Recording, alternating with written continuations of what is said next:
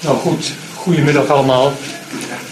Uh, voor degenen die net de inleiding hebben gemist, ik ben Gerrit Steeghuis, lid van Ontgroei. Dat is de Nederlandse tak van de internationale DICO-beweging. Um, ik ben gepensioneerd, heb in de IT gewerkt bij een onderzoeksinstituut. Uh, al lang geïnteresseerd in van alles wat te maken heeft met milieu, vrede, ontwikkelingssamenwerking en dergelijke in de jaren tachtig actief geweest in de vredesbeweging. Later hadden we in Amersfoort, waar ik woon, een mondiaal platform uh, dat zich bezighield met van alles rond Wereldwinkel, Amnesty, uh, Oxfam had toen lokale groepen en dergelijke onderling overleg coördineren en met de gemeente.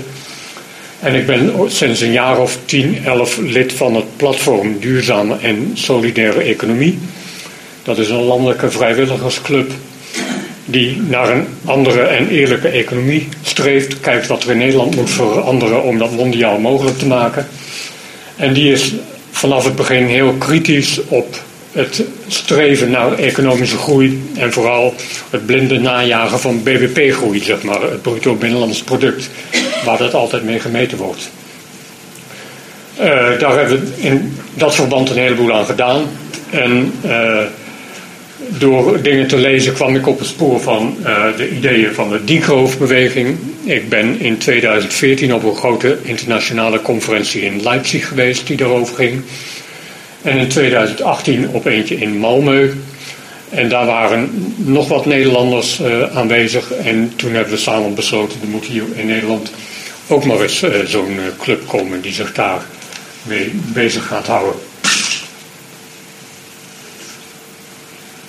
Hier het plaatje van de, de website op ontgroei.nl. Het is dus een soort van uh, collectief. Uh, veel mensen van universiteiten, studenten, medewerkers en dergelijke vooral. Um, en ja, wat we doen is artikelen, blogs schrijven, presentaties geven. Symposia hebben we georganiseerd op de universiteiten om de ideeën bekend te maken. En vorig jaar was er een grote internationale Degrowth-conferentie in Den Haag, uh, waarvan de organisatie bij het International uh, Institute of Social Studies lag, het ISS. Maar daar hebben wij heel veel aan meegewerkt. En daar zijn ook wel weer nieuwe belangstellenden in Nederland voor de beweging uit voortgekomen. Dus we zijn nu ook een beetje aan het kijken van hoe organiseren we dat op een goede manier met een landelijke beweging met 40, 50 mensen, zodat iedereen kan meepraten en dergelijke. En die kunnen ook niet elke week op een centrale plek elkaar ontmoeten. Um, nou, dat is uh, de organisatie. Wat ik wil doen is, ik vertel een paar dingen over de van problemen van voortdurende groei. Ik bespreek een paar oplossingen die vaak worden aangehaald en die uh, naar ons idee niet of niet voldoende werken wat moet er dan wel gebeuren? En ik ga ook in op kapitalisme of anticapitalisme, zoals jij zei, en socialisme. Uh, groei, ja, dat is eigenlijk zoals een vis nauwelijks weet dat hij in het water leeft, uh, zijn wij ons vaak nauwelijks van bewust dat er naar groei wordt gestreefd. Het is totaal geaccepteerd en iedere keer dat het de groei hapert, ja, dan staat weer krantenberichten waard. Je ziet er hier een aantal. Nou, zeep hier rechtsboven, dat is gelukkig een oude. Um, maar ja, het afnemen van die groei, die linksonder is een recente, dat wordt toch weer als een uh, probleem gezien. Vooral in de media ook. Uh, economieredacties en dergelijke, die denken helemaal niet na over duurzaamheid en die presenteren gewoon groei neemt af, dus een probleem. We hebben vorig jaar een uh, actie gehad waarbij we met een heleboel clubs samen een oproep hebben gestuurd aan alle media, vooral aan economieredacties. Stop met het juichen bij BBP groeicijfers. En wees je eens bewust van wat daar eigenlijk achter schuilt. Nou, die kreeg eerlijk gezegd vrij weinig respons van die economieredacties. Het werd hoogstens opgepikt door uh, media die het er toch al wel ongeveer mee eens waren. Maar goed, uh, zo probeer je af en toe wat. En misschien denkt er toch iemand in vervolg een beetje na. Nou, die groei die uh, wordt al langer ter discussie gesteld natuurlijk. We vieren dit jaar, 50 jaar geleden, verschijnen van het rapport van de Club van Rome. En als je ziet, uh, ook in filmpjes die nu weer vertoond worden, wat politici in die tijd zeiden over groei en de problemen die dat veroorzaakte, dan doen ze toch heel wat krachtige uitspraken eigenlijk dan dat de huidige politici nu doen. Uh, die club die uh, schetste een aantal scenario's die ze met hun computermodel doorrekenden. En het scenario van business as usual, van gewoon doorgaan zoals men op dat moment deed, daar zouden grote problemen uit voortkomen in de loop van de 21ste eeuw. En bij herhalingen van het doorrekenen van dat scenario met de nieuwe gegevens. Dat is uh, twee jaar geleden of zo nog weer gebeurd door iemand van KPG, dus niet echt KPMG, niet echt iemand uit de linkse hoek. Die bevestigde eigenlijk gewoon wat de Club van Rome toen zei, dat we nog steeds op dat scenario zitten en dat die berekeningen eigenlijk heel goed waren gegeven de primitieve middelen die ze toen hadden. Maar die discussie is eigenlijk een beetje stilgevallen na uh, de jaren 70, zeker vanaf het begin van de jaren 80 met het opkomen van neoliberalisme en zo. En weer een beetje tevoorschijn gekomen een jaar of 10, 12 geleden met ideeën als die van de Planetary Boundaries van Johan Rockström uit Stockholm en van de Donut Economics van Kate Raworth. Rockström die heeft uh, gekeken van wat zijn nou processen die zich afspelen op aarde die heel belangrijk zijn om het hele systeem aarde goed in stand te houden. Uh, kun je daar uh, aan verschillende aspecten daarvan uh, grenswaarden kun je die vastleggen die eigenlijk niet overschreden mogen worden om het systeem gegarandeerd goed door te kunnen laten lopen. Nou, die grenzen die zie je hier die stippenlijn en je ziet dan dat allerlei grenzen al ruim overschreden zijn van klimaat, biodiversiteit, maar recent ook die van stoffen die we de atmosfeer ingooien, plastics en gifstoffen en dergelijke. En uh, begin dit jaar werd ook die van het zoetwater overschreden. Kate Raworth heeft die, diezelfde boundaries eigenlijk gebruikt in haar donutmodel. Uh, aan de buitenkant zie je diezelfde grenzen die niet overschreden mogen worden. En aan de binnenkant geeft zij een sociale vloer weer waaraan voor iedereen op aarde voldaan zou moeten worden. Wat betreft water, voedsel, gezondheid, onderwijs en dergelijke. Wat zijn nou de voorwaarden op die terreinen waaraan in ieder geval voldaan moet worden? En als dat dan allemaal goed is, dan zit je net hier in die groene cirkel in de veilige en rechtvaardige uh, uh, ruimte voor, die de mensheid ter beschikking heeft.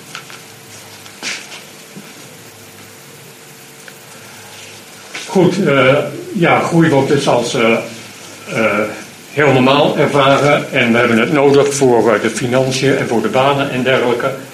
Maar wat is er dan mis mee? Ik behandel even kort drie punten. Eén is het ecologische, het tweede het sociale en het derde stabiliteit of instabiliteit. Een paar stemmen eerst van Herman Daly, dat is een Amerikaanse ecologische econoom die zich al heel lang met dit probleem bezighoudt en het begrip steady state economy heeft uh, gemunt. een stabiele staat van de economie waarin net zoveel binnenkomt als dat eruit gaat. En die zegt, economische groei is eigenlijk oneconomisch geworden. De kosten van die groei die zijn veel hoger dan wat extra groei nu nog opbrengt aan positieve dingen. En die kosten die worden geïllustreerd in een uitspraak van Serge Latouche, een Fransman die het boek Farewell to Growth heeft geschreven al een uh, behoorlijk aantal jaren geleden. Dat is trouwens de Engelse vertaling ervan.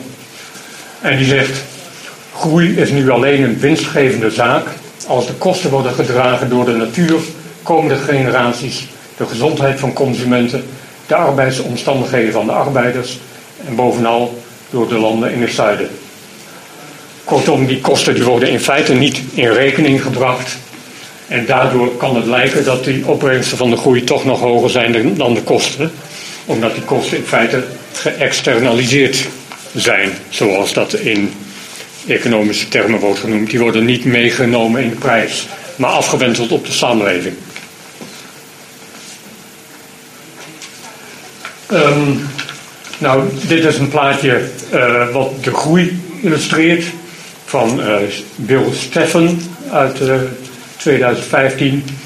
Hij noemt dat de Great Acceleration of de grote versnelling. Je kunt dat niet allemaal lezen, maar dat hoeft ook niet. Het geeft over een paar honderd jaar aan de trend en die gaat overal stijl exponentieel omhoog. Of het nou gaat om bevolking, BBP, investering, kunstmestgebruik, uh, uitstoot van CO2, methaan, verzuring van de oceaan, papiergebruik. Nee, je kunt het zo gek niet bedenken of het gaat exponentieel omhoog. Dus het is ook niet gek dat we met grote ecologische problemen te maken hebben. Uh, je ziet die problemen hier uh, geïllustreerd in een aantal plaatjes. Rechtsboven dit jaar al behoorlijk wat hittegolven met allemaal temperaturen van boven de 50 graden. Het verlies aan biodiversiteit, overstromingen en rampen, honger en droogte en bosbranden en dergelijke. Nou, er is een maat de ecologische voetafdruk die berekent van hoe uh, uh, gedraagt een samenleving zich ten opzichte van het milieu. En voor de hele wereld op zich is die 60% meer dan de aarde aan kan. We trekken meer uit de aarde dan die aarde kan regenereren. En dat gaat een tijd lang, kan die dat nog wel aan, maar uh, daar ontstaan natuurlijk problemen op een gegeven moment. Uh, dat is mondiaal, maar natuurlijk het noorden, om het maar zo uh, te noemen, is daarvoor veel meer verantwoordelijk dan landen in Afrika. En bijvoorbeeld in Nederland is die voetafdruk een factor 3 te groot. Dus om niet meer te verbruiken dan voor de bewoners van Nederland geregenereerd zou kunnen worden, zou onze voetafdruk met twee derde terug moeten. Um, nou, de groei, daar wordt vaak gemikt op een groei van iets van 3% of zo per jaar. En dat lijkt helemaal niet zoveel. Maar dat betekent dat de economie in 23 jaar verdubbelt. En mensen hebben dan vaak niet zo gauw door wat dat exponentieel betekent. Maar een verdubbeling in 23 jaar, dat betekent vier keer zo groot in 46 jaar. Dat betekent 8 keer zo groot in 69 jaar. Dat betekent 16 keer zo groot in 92 jaar. Dus na 100 jaar zit je op ongeveer 20 keer zo groot. En dan wordt het toch een heel ander verhaal. Het is vaak een hele grote onderschatting van wat exponentiële groei eigenlijk betekent. Wat het sociale aspect betreft, um, je ziet hier links een plaatje van het wereldbruto binnenlands product. Die blauwe lijn die gaat uh, langzamerhand omhoog uh, vanaf 1970 of zoiets wat daar is weergegeven, of nog iets eerder. Um, maar de gele lijn die geeft aan de Genuine Progress Indicator. Dat is een soort van afgeleide van het uh, BBP. Alleen dat bruto binnenlands product, dat telt alleen alles op wat monetair te ver hapstukken is. Uh, en daar zitten een heleboel dingen in die gewoon schadelijk zijn. En de allerlei nuttige dingen als vrijwilligerswerk, uh, zorg en dergelijke, mantelzorg, dat wordt niet meegeteld. En dat probeert die progress indicator wel te verdisconteren. En dan zie je dat die vanaf de jaren 70 eigenlijk gelijk blijft. Dus het groter wordende bruto binnenlands product draagt, niet, draagt eigenlijk niet bij aan het ook meelopen van het welzijn. In het andere plaatje zie je stijgende inkomens met de blauwe lijn in de Verenigde Staten. Maar het de zelfgerapporteerde geluk van mensen blijft eigenlijk vrijwel hetzelfde over al die uh, jaren. Dus ook het stijgende inkomen op zich is geen uh, garantie dat daarmee ook het welzijn toeneemt. Hier nog zo'n plaatje met het BBP per hoofd van de bevolking en de tevredenheid die mensen in een bepaald land ervaren. En al die stipjes, dat zijn landen. En er zijn er een paar uh, weergegeven. En dan zie je eigenlijk dat um, als het BBP nog heel laag is, dan gaat die tevredenheid omhoog. Vooral hier. Maar vanaf verloop van tijd blijft die eigenlijk hetzelfde. En meer BBP per hoofd van de bevolking heeft dan eigenlijk geen invloed meer op die tevredenheid. En je ziet dat Costa Rica met een BBP van uh, dik onder de 20.000 dollar, uh, dat de mensen daar een grotere tevredenheid met het leven ervaren dan in de Verenigde Staten of in Hongkong met een BBP van boven de 50.000. En je hebt uh, als sociaal bijverschijnsel ook nog uh, dingen als burn-out, stress, uh, tijddruk die mensen ervaren omdat ze zowel moeten werken als voor uh, familie, zorgen, ouders en dergelijke kinderopvang. Dus meer werk, meer inkomen garandeert niet een groter geluk. Nou, er wordt vaak wel gezegd dat uh, groei nodig is uh, vanwege de zogeheten trickle-down economics. Als de groei maar als we als samenleving maar uh, groeien, dan profiteert iedereen daarvan mee. Maar dat blijkt toch maar zeer beperkt te gelden. je ziet het hier in het plaatje. dit is het idee dat er gaat gebeuren. Maar in feite aan de top wordt steeds meer opgehoopt en heel veel bereikt niet de mensen die daar beneden zitten. Er was een onderzoek wat in The Guardian een paar jaar geleden werd gerapporteerd. En um, van de mondiale groei van het bruto binnenlands product bereikte eigenlijk maar 5% de onderste 60% van de bevolking. En de rest bleef bovenin hangen. En het is dan ook niet zo gek dat er steeds meer discussie is over uh, ongelijkheid. Nou, dan uh, stabiliteit. Uh, er is een Amerikaanse, of was een Amerikaanse econoom de vorige eeuw, Hyman Minsky. Die heeft zich daar nogal mee bezig gehouden. Um, die zegt, het systeem is eigenlijk per definitie uh, instabiel. Als het goed gaat met de economie, is iedereen heel blij. Er wordt steeds meer geleend. gaat allemaal goed, je kunt meer risico nemen regels worden versoepeld, want het gaat toch wel goed. Totdat er op een gegeven moment ergens een of andere verstoring optreedt, terwijl er een hele bubbel is gevormd. Mensen kunnen, aantal mensen kunnen hun leningen niet meer uh, terugbetalen. Dat verspreidt zich, de banken komen in problemen en dergelijke. En je hebt dus een crisis. Nou ja, die wordt dan weer opgelost door dat de overheden daar geld insteken om die banken en dergelijke te redden. En vervolgens bezuinigingen invoeren om de overheidsfinanciën weer op orde te krijgen. De regels worden weer aangescherpt. Uh, nou ja, dat gaat een tijdje naar beneden tot het weer stabiel is en dan begint de cyclus opnieuw. En hij zegt, zegt van ja, per definitie is dat eigenlijk niet stabiel, dat streven naar groei. Hier heb je nog een beetje een samenvatting van wat erin gaat aan uh, natuurlijke hulpbronnen en aan goedkoop goedkope arbeidskrachten. BPP gaat omhoog en wat eruit komt aan vervuiling en milieuvernietiging uh, en aan wat daar dan wordt genoemd consumer junk. Nou, er zijn een paar oplossingen die vaak worden genoemd. De ene is uh, groene groei.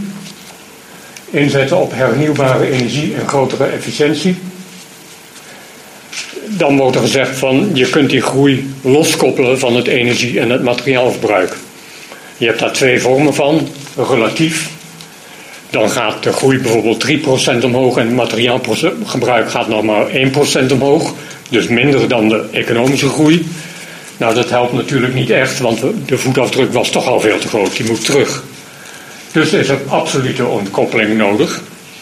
Waarbij, als het dan wordt, de groei doorgaat, de materiaal- en energieverbruik naar beneden gaat.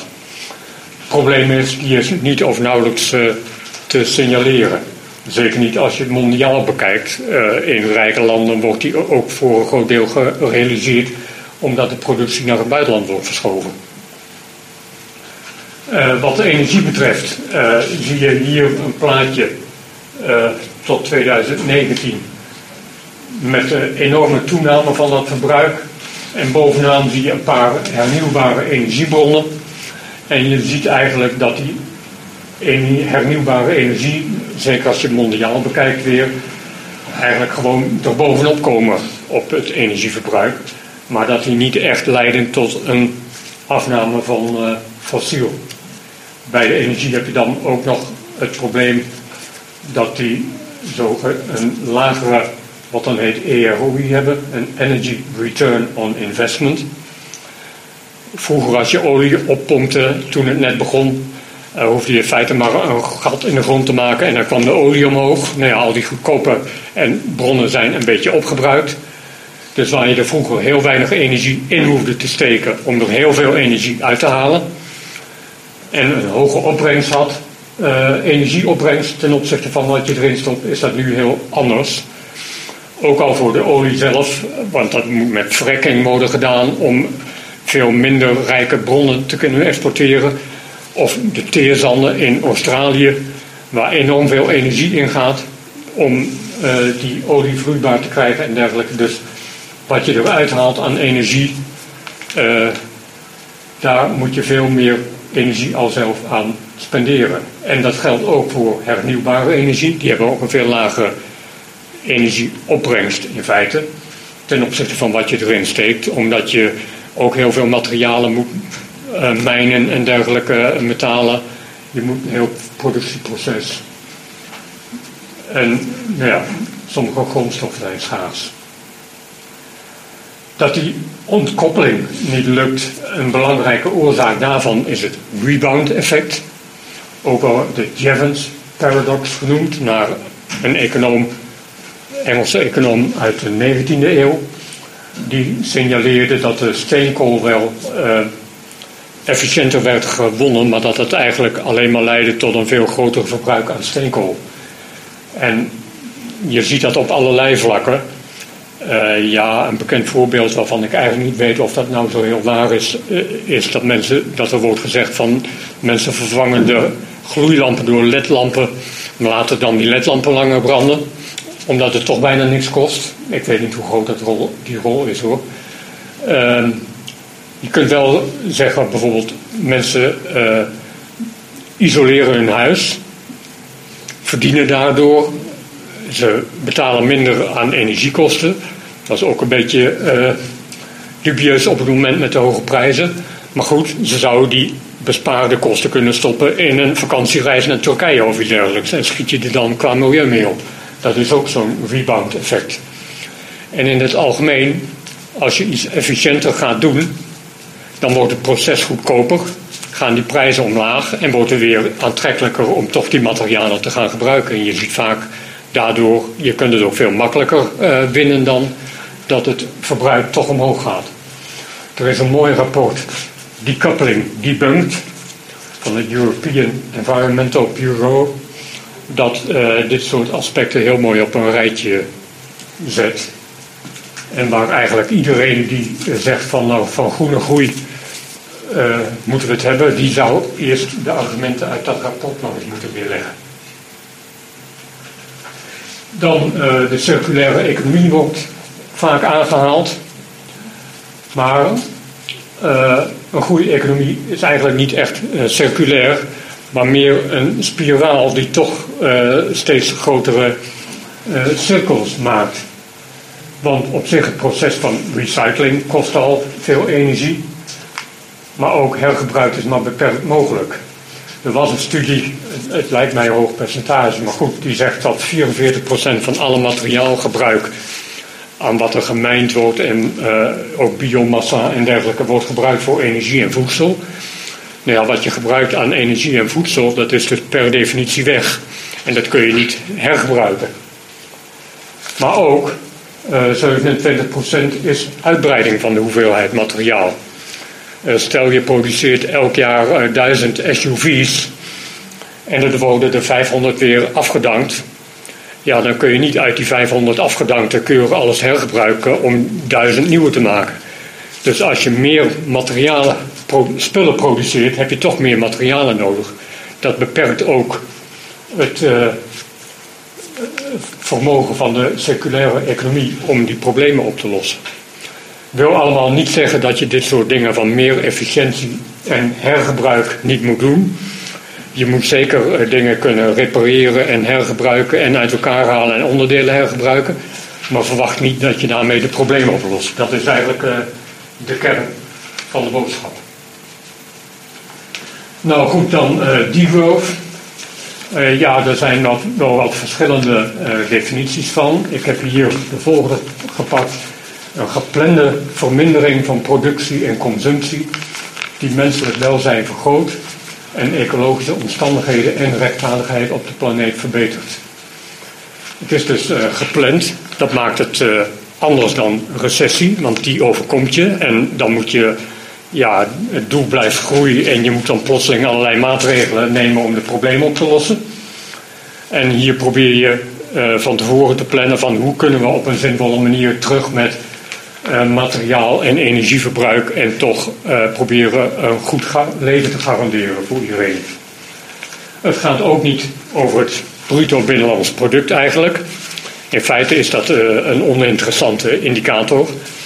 Je moet terug met je voetafdruk, dus met je gebruik van materialen en energie. En als iemand dan heel slim is financieel en die weet een manier te bedenken dat je een heleboel uh, leuke berekeningen uitvoert en het BBP gaat toch omhoog, gefeliciteerd uh, zou ik zeggen. Maar dat maakt eigenlijk dan niet zoveel uit. Het betekent ook niet, en dat wordt ook nog wel eens gezegd, dat alles moet krimpen. want wil meer onderwijs, meer zorg, meer openbaar vervoer. Er zijn een heleboel dingen die welzijn van mensen bepalen en die omhoog moeten. Er moet alleen minder materiaalverbruik, minder energieverbruik. Um, nou, zo zijn er nog wel uh, sectoren, uh, fossiel, SUV's die ik al noemde. Um, de financiële sector die zal wel kleiner mogen, want dat is een enorm waterhoofd bovenop de reële economie.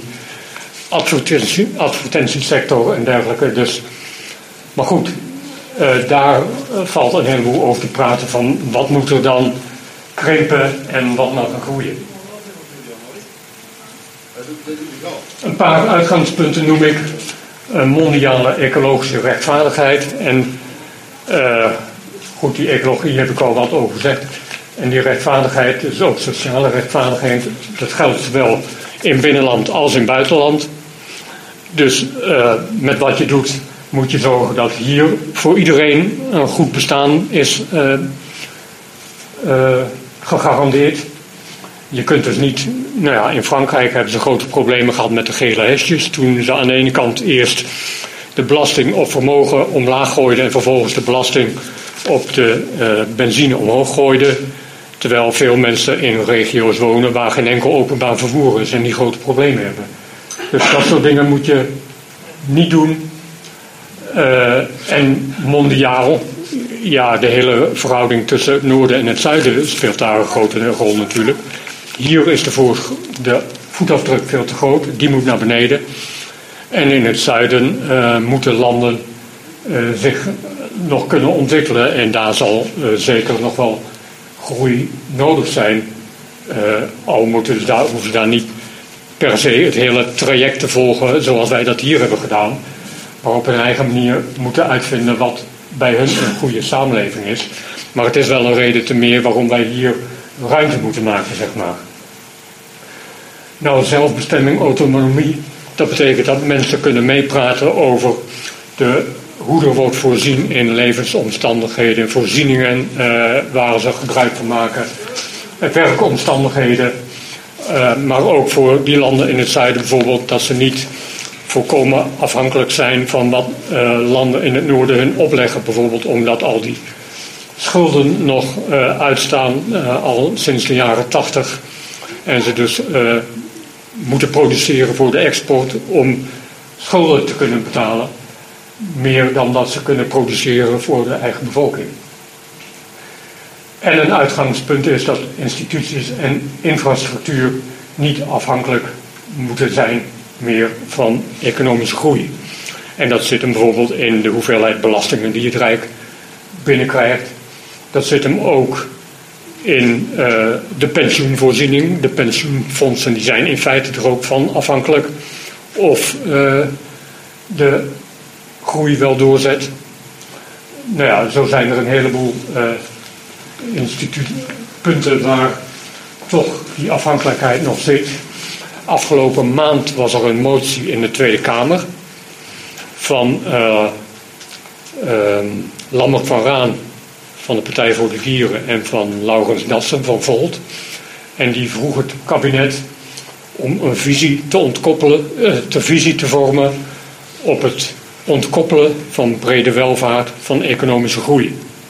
Dus hoe kun je nou de welvaart, welzijn in Nederland brede welvaart is een beetje de term die in Den Haag wordt gebruikt voor welzijn en dergelijke.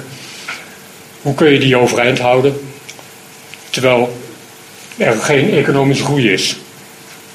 Helaas heeft de minister Kaag daar tegen geadviseerd zonder dat te motiveren. En hebben de coalitiepartners, we hebben ze allemaal nog een brief gestuurd of een mail gestuurd van stem voor die motie. Want jullie uh, denken wel dat groene groei en dergelijke het allemaal gaat redden. Maar mocht dat niet lukken, dan moet je gewoon nu willen weten uh, hoe je eventueel het welzijn overeind kunt houden. Ook zonder die groei waar je op rekent. Maar ondanks die uh, mail die wij hebben gestuurd, is die motie toch door de coalitie weggestemd. Nou, uh, dan hoe ja, die groof is eigenlijk geen uh, monolithische beweging met top-down standpunten die uh, aan iedereen op een A4'tje worden meegedeeld. Dus er zijn wel verschillende stromingen te onderscheiden. Uh, en nou, ik noem die even. Eén is vooral op instituties gericht, overheid, politiek. Dat noemde ik eigenlijk al om die onafhankelijk te maken van groei. Je hebt een club die wil graag eenvoudig leven buiten het systeem, eco-dorpen en dergelijke.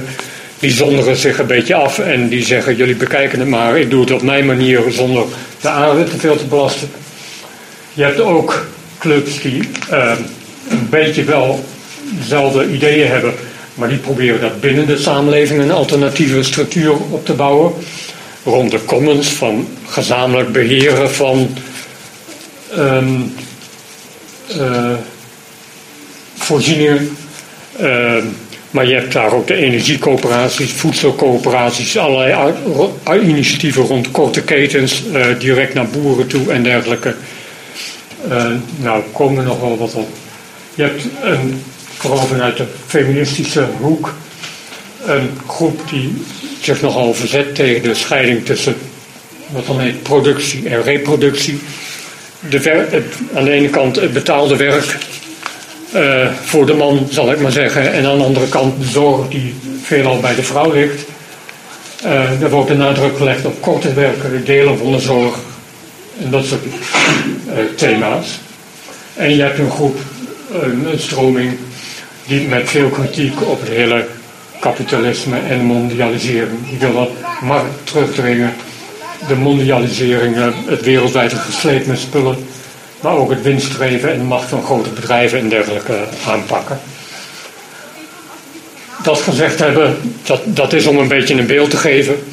Maar ja, die, die stromingen zijn toch sterk overlappend en veel mensen kunnen zich in al die stromingen wel enigszins vinden. En dat zijn niet heel uh, gescheiden uh, groepen of zo. Um, afgelopen maand verscheen er een artikel waarin de auteurs uh, literatuur over die roof hadden nagelopen, die de afgelopen 15 jaar of zo is verschenen. Alle artikelen zo'n beetje bekeken en ook boeken. En uh, die hebben bekeken van wat voor voorstellen zijn er nu, praktische beleidsvoorstellen zijn er gedaan vanuit de Diegroof-literatuur. En nou ja, goed, uh, ze hebben 1100 uh, teksten bekeken, uh, allemaal gecategoriseerd en dergelijke. En de tien meest genoemde voorstellen die staan hier rechts. Basisinkomen, korte werken, een baangarantie met leefbaar inkomen, een maximuminkomen, afnemende caps of plafonds voor grondstoffen en energieverbruik, coöperaties zonder winstoogmerk, burgerbraden als versterking van de democratie, het terugvorderen van de commons, de gemeenschappelijke voorzieningen, ecodorpen, wooncoöperaties. Nou ja, je ziet daar ook die vorige stromingen al een beetje in uh, terugkomen. Uh, ik kan nog wat zeggen over die caps voor grondstoffen en energie, want dat verhoudt zich ook wel tot groene groei. Jason Hickel, een bekende auteur op gebied van uh, degrowth, die heeft wel eens gezegd van ja, die mensen voor groene groei, van groene groei, die zeggen van we gaan steeds efficiënter werken en daarmee kunnen wij het oplossen. Dus weet je wat, wat we gaan doen? We gaan per land of zo zo'n plafond vaststellen voor grondstoffen en voor energie. Meer krijg je niet ter beschikking. En dat plafond dat wordt jaarlijks naar beneden geschroefd om te zorgen dat we met die voetafdruk goed uitkomen. En jullie zijn zo slim met je groene groei. Je kunt met efficiëntie en dergelijke steeds uh, slimmer gaan werken. Dus dat moet eigenlijk geen probleem voor jullie zijn om van jaar tot jaar dat plafond naar beneden te krijgen. Maar zegt hij dan van ja, dat willen ze helaas nooit. Dus um, goed, nog even over dat artikel. Uh, ze hebben ook wel wat kritiek op de Digroof-beweging. Want ze zeggen, uh, veel van die voorstellen zijn niet echt uitgewerkt. Die worden vaak ook alleen maar genoemd. En je weet ook niet helemaal zeker altijd of de auteurs nou zo'n uh, voorstel doen omdat ze het zelf heel goed vinden of omdat iedereen voor hen het ook al heeft genoemd. Uh, ze zijn niet goed genoeg uitgewerkt en bovendien ook niet, vaak niet in samenhang. Dus ja, het ene voorstel wat je doet kan weer gevolgen hebben op het andere. Dus er ligt nog een heel terrein braak waarop dat uh, moet gebeuren. Um, nou, nog even terug naar die uh, bottom-up benadering. Een heleboel praktijken die ook al wel plaatsvinden, die passen daar wel in het opbouwen van die alternatieve structuur met broodfondsen, lokaal geld, community supported agriculture, voedselcollectieven, stadsboerderijen, herenboeren heb je tegenwoordig. Gemeenschappelijke woonvoorzieningen zouden erin kunnen passen, waar je voorzieningen deelt met elkaar. Uh, maar ook uh, repair café en meer lokale productie. En ik heb erbij gezet het right to repair. Dat is ook wel een uh, actie die gevoerd wordt en die op zich ook wel in het, bijvoorbeeld door het CDA al wel is opgepikt van als je spullen aanschaft, dan moet je eigenlijk een recht op reparatie hebben. Bij je mobiele telefoon bijvoorbeeld, die nu niet open kan. Uh, als daar de batterij kapot is, uh, dan moet die vervangen kunnen worden. Of als er iets anders kapot is. Ik noem zelf nog een paar ideeën die ik ook wel interessant vind. Eén is publieke geldcreatie. Het creëren van geld gebeurt nu eigenlijk vooral door de commerciële banken. De private banken, Rabo, ING, weet ik het dat allemaal. Op het moment dat die een lening uitschrijven en een klant krijgt een lening, dan is er in feite daarna meer geld in omloop. Die klant die heeft gewoon geld waar die over beschikt en de bank hoeft dat niet uh, al achter de hand hebben of iets dergelijks. En sterker nog, de overheid die leent bij, bij banken en moet daar rente over betalen. En degene die lenen moet ook rente betalen. En eigenlijk ook nog, die rente die wordt niet meegecreëerd. Dus er is altijd maar druk om toch geld te verdienen om dat te kunnen afbetalen. Waarom zou niet de overheid het geld creëren? En uh, dan kunnen banken geld uitlenen wat ze eerst hebben binnengehaald van klanten die dat geld bij hen hebben gedeponeerd. Nou, dat houdt ook verband met Modern Monetary Theory. Er is een boek, The Deficit Myth, van Stephanie Kelton, dat dat beschrijft. En die zegt in feite van ja, de overheid kan nooit een tekort hebben. De overheid is niet een huishouden. In huishouden kun je niet meer lenen dan je ook kunt terugbetalen. Als je het niet kunt terugbetalen, heb je een probleem. Maar als de overheid het geld creëert, ja, uh, dan hoeft hij dat niet terug te betalen. Uh, het enige waar hij voor moet zorgen is dat er de hoeveelheid geld die in omloop is, dat die past bij de economische activiteiten die er worden verricht. En dat zet meteen de boel aardig op zijn kop. En dat uh, ja, maakt het veel makkelijker ook om bijvoorbeeld te bepalen waarvoor er geld wordt gecreëerd. Nu wordt dat bepaald door de banken. En die doen dat. Die lenen geld uit aan activiteiten waarvan ze denken dat die winst opleveren, zodat de lening kan worden terugbetaald. Maar of iets nuttig is of niet nuttig is, dat is veel minder van belang voor de banken. Een ander interessant uh, aspect vind ik Universal Basic Services. Daar is ook een boekje van, van Anna Koet en Andrew Percy. Die zeggen van laat de overheid nou vooral de verantwoording nemen en zorgen voor goede basisdiensten die voor iedereen uh, gratis of in ieder geval goed toegankelijk zijn. En dat kun je heel ruim definiëren. Energie, gezondheidszorg, onderwijs, wonen, voedsel, mobiliteit, internet zou je er ook nog bij kunnen denken. Wat zijn nou de basisvoorzieningen die iedereen nodig heeft? Laat de overheid zich daar vooral op reageren, uh, richten. Maak dat uh, goed toegankelijk. Dat is uh, heel progressief qua vergeleken met belastinginkomsten, zeg maar. Want vooral de mensen aan de onderkant van de samenleving die profiteren daarvan. De rijken die kunnen allemaal zelf wel betalen. Het maakt niet uit of het uh, privaat is of dat het uh, door de overheid wordt uh, verzorgd. Als, en als onderwijs niet goed is, ja, dan ga je gewoon privéonderwijs doen en dergelijke. gezondheidszorg zou gratis kunnen zijn, in, niet winstgericht. het eigen risico, dat telt toch ook voor, al voor mensen aan de onderkant van de samenleving qua inkomen en niet zozeer voor mensen die al veel geld hebben. Dat is een uh, uh, interessant idee. Nou, dan het bevorderen van niet op winst gerichte bedrijven, wat ook weer samen kan gaan met het opbouwen van die alternatieve structuur. Je hebt de organisatie Social Enterprise, je hebt de Common Good Economy van uh, Christian Felber, het boekje Ware Winst gaat daarover. Uh, een Oostenrijkse econoom. En die zegt, uh, die wil bedrijven laten scoren op hoe ze het maatschappelijk en uh, ecologisch doen.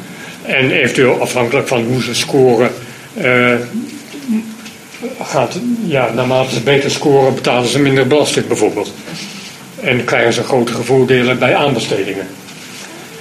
In Nederland is op het moment wel een initiatiefwetsvoorstel wordt er besproken om maatschappelijke organisaties ook een juridische erkenning te geven.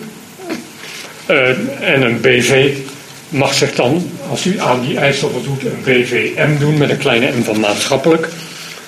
Uh, als die dus niet primair op de winst is gericht en dergelijke. Uh, zodat die beter herkenbaar is. Dat je er als klant naartoe kunt gaan. Oké, dat is een BVM, daar wil ik wel graag winkelen. Maar dat je ook uh, je eigen lokale overheid erop aan zou kunnen spreken van... Hey, um, zorg nu dat die vooral... Uh, dat je daar je inkopen doet. Maar dat gaat allemaal uiterst traag, zoals wel andere dingen in Den Haag. Nou, een ideetje meer is woonruimte beter benutten noemde net al delen van voorzieningen. Het afschaffen van de kostendelersnorm. Daar wordt nu wel over gepraat. Die gaat in ieder geval die leeftijd omhoog. Maar als meer mensen in één huis wonen en niet het huis uit worden gejaagd. Ja, dat, dat helpt mensen weer vooral aan de onderkant van de samenleving. Maar ook ecologisch gezien is het beter. Want eh, je hebt minder voorzieningen nodig, je hebt minder huizen nodig, je hebt minder verwarming en dergelijke nodig. Hetzelfde geldt met de AOW. Uh, ja, mensen willen liever niet bij elkaar gaan wonen, want dat kost hun uh, AOW. En voor de een speelt dat wel een rol, voor de ander niet. Dat is wel een beetje tricky misschien, om, omdat, ja, moeten ook rijke mensen dan ieder het volle bedrag AOW krijgen. Maar goed, het idee is er. Nou, een sterke vermindering van ongelijkheid wordt ook wel veel besproken. Met misschien een maximum inkomen en vermogen en aan consumptie. Er is een boek al van een tijd geleden, The Spirit Level, dat heel mooi beschrijft hoe ongelijkheid, hoe ongelijker de samenleving is, hoe slechter die samenleving doet op heel veel terreinen. Van uh, misdaad tot levensverwachting, tot gezondheid, tot milieu en dergelijke. Allerlei uh, gevolgen heeft die ongelijkheid in feite. En ook gewoon de verbinding binnen de samenleving. Als je milieubeleid, je ziet het al gebeuren in feite, wilt voeren, ja, dan moet wel iedereen dat mee kunnen maken.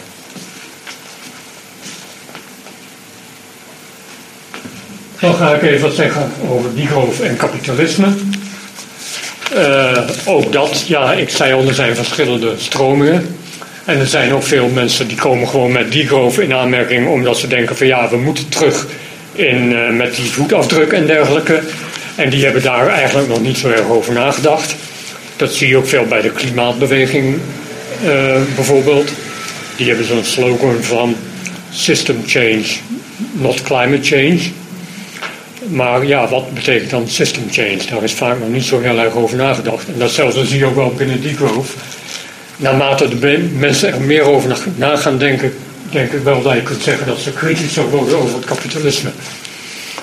Uh, want het streeft uh, in individuele bedrijven voortdurend naar groei en naar expansie en accumulatie. En andere aspecten die zeker als ook de aandeelhouders het voor het zeggen krijgen, uh, raken vooral ondergesneeuwd. We hadden het al over het externaliseren van die kosten. Uh, dit jaar is het ook 50 jaar geleden dat officieel in de vergadering van de OECD, de Club van Rijke Landen, principe de vervuiler betaalt werd geïntroduceerd. Nou ja, dat hebben ze eigenlijk nog steeds 50 jaar lang weten tegen te houden. Want het functioneert nog maar nauwelijks en het wordt nog elke keer als nieuw gebracht. Het drukken van die kosten heeft dus uh, prioriteit. Wat ik al zei, op arbeid, op natuur, op levens in feite. Een boekje van uh, Patel en Jason Moore, A History of the World in Seven Cheap Things. Wat ook beschrijft hoe het kapitalisme eigenlijk al die aspecten van arbeid, eh, natuur, eh, levens eh, steeds goedkoper heeft gemaakt en zo goedkoop mogelijk probeert te houden. Alles wordt handelswaar binnen het kapitalisme. Commodificatie heet dat wel. Als je er maar geld aan kunt verdienen, dan is het goed. Uh, inhoudelijk ook wat je produceert is minder een uh, item. Uh, ook, ook, daar is een vrij recent boek over wat dat heel mooi beschrijft. Ook hoe dat invloed heeft op de producten die worden aangeboden. Dingen die eerst gratis worden, als die in privéhandel komen, omdat het kapitalisme elke keer nieuwe manieren zoekt om zich uit te breiden en weer uh, verdienmodellen te vinden. Uh, ja, als dat lukt, dan worden er automatisch bijna mensen uitgesloten die het niet meer kunnen betalen. Uh, er wordt geproduceerd vooral datgene wat geld oplevert. En niet zozeer datgene wat nodig is. Je ziet dat heel goed natuurlijk bij medie medicijnen natuurlijk. Uh, ja, voor uh, ziekten in het Westen waar veel geld aan te verdienen is, worden wel medicijnen ontwikkeld. Maar voor ziekten in Afrika is de prioriteit niet zo hoog. De spullen worden vaak gestandaardiseerd. en machinaal, neem maar de IKEA en dergelijke, het vakmanschap gaat er een beetje af. Het moet makkelijk en goedkoop zijn. Makkelijk te maken tegen zo laag mogelijke kosten. En um, ik wou er nog eentje noemen, welke was dat ook weer? Uh, even kijken, zo nog wel. nou, misschien kom ik daar zo nog. Maar al, al dat soort aspecten maken dat het uh, kapitalisme toch uh, een heel problematische invloed heeft. Ik kan even kijken. Oh ja, de, de kwaliteit. Je hebt ook de term obsolescence. Wat in feite betekent dat producten worden geproduceerd van lage kwaliteit. En eigenlijk ook een beetje met opzet. Er is een heel bekend verhaal over de gloeilampen. Uh, waarvan in het productieproces was vastgelegd dat die maar een bepaald aantal uren mee mochten gaan. Omdat anders, ja, dan verkoop je geen gloeilampen meer. Maar je ziet het ook uh, nou ja, bij de mobiele telefoontjes, bij de computers. Um, aan de ene kant doordat ze niet gerepareerd kunnen worden. Aan de andere kant, je kunt ook de besturingssystemen langzamerhand zo opblazen dat oude computers in feite uh, niet meer vooruit te branden zijn. En je op die manier gedwongen bent om een nieuwe te kopen. Jason Hickel, dat is, ik noemde hem al, die heeft een boekje geschreven, Less is More, wat ook in het Nederlands is vertaald in België als Minder is Meer. Uh, die is heel kritisch ook op het kapitalisme. Maar die zegt in dat boek van uiteindelijk is kapitalisme maar een symptoom ook. En de ziekte is in feite het dualisme. Wat in de 16e eeuw is opgekomen met Descartes en dergelijke. En Francis Bacon, een filosoof. Die uh, een scheiding maakte tussen geest en lichaam. De geest was datgene wat uh, echt telde. En de natuur, dat was eigenlijk maar uh, ja, dode stof. En daar kon je in feite mee doen wat je wilde. Is een object, volgens Bacon, uh, ook een uitvinder in die tijd. Ja, daar kon je alles uitwringen wat, wat nuttig was voor de mens.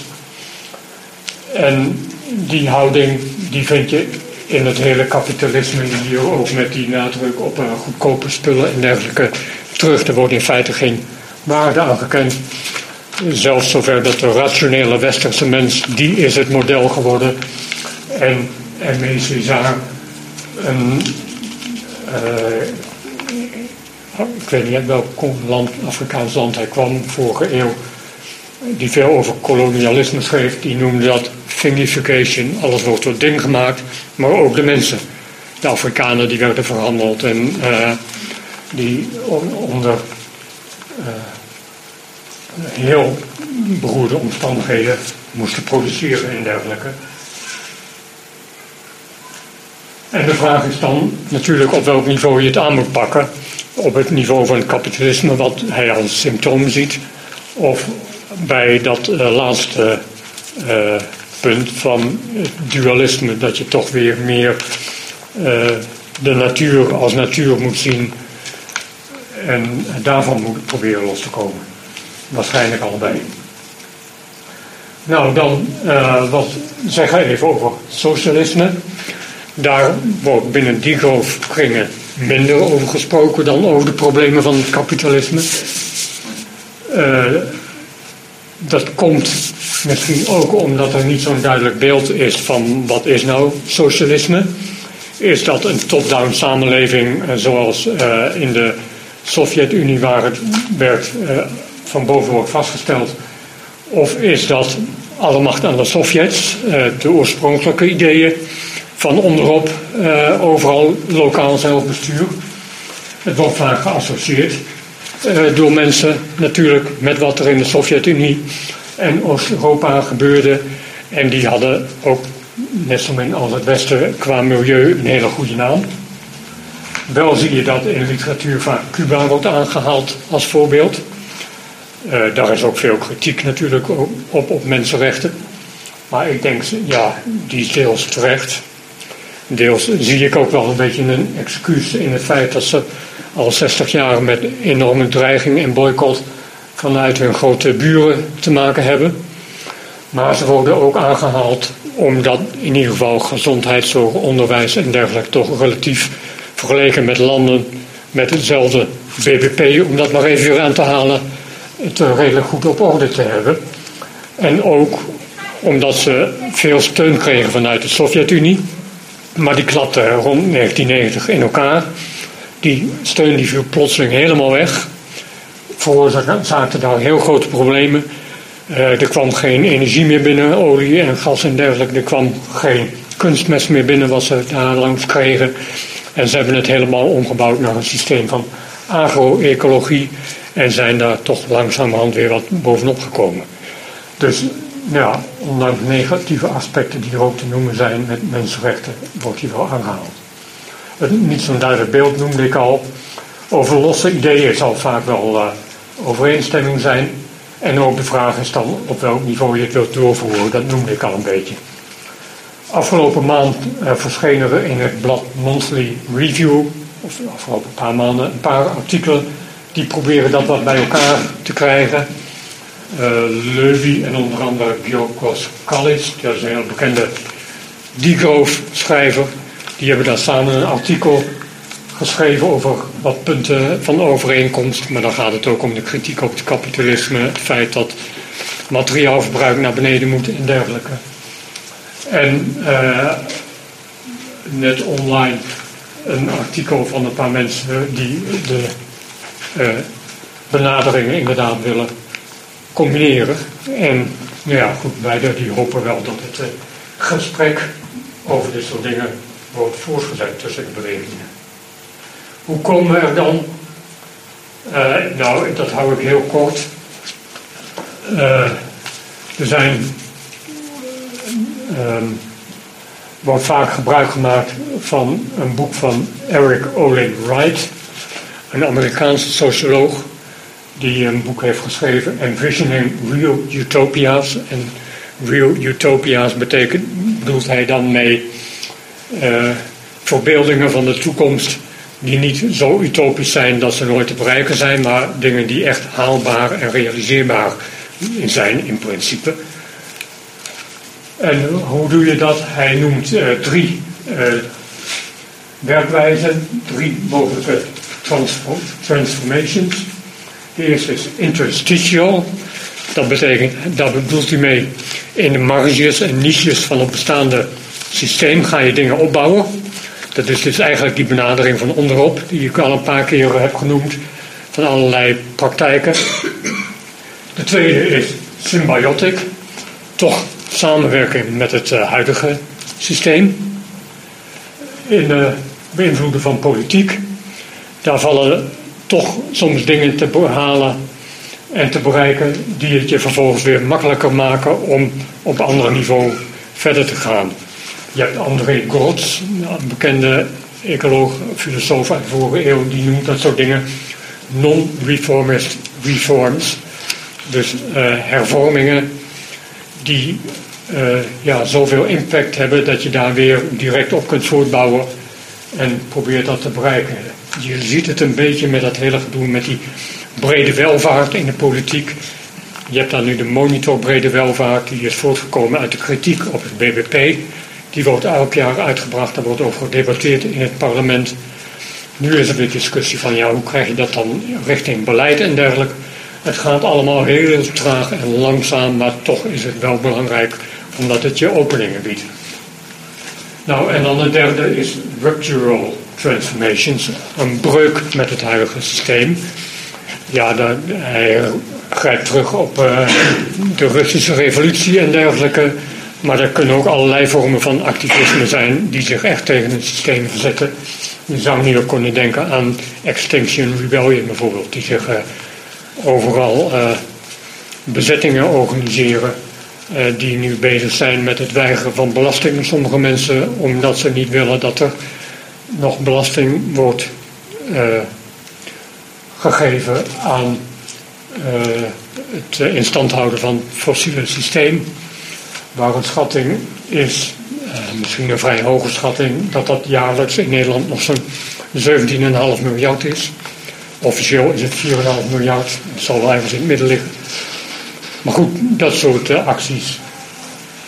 Hij heeft uh, later nog een boekje geschreven. Hij is overleden een jaar of drie geleden.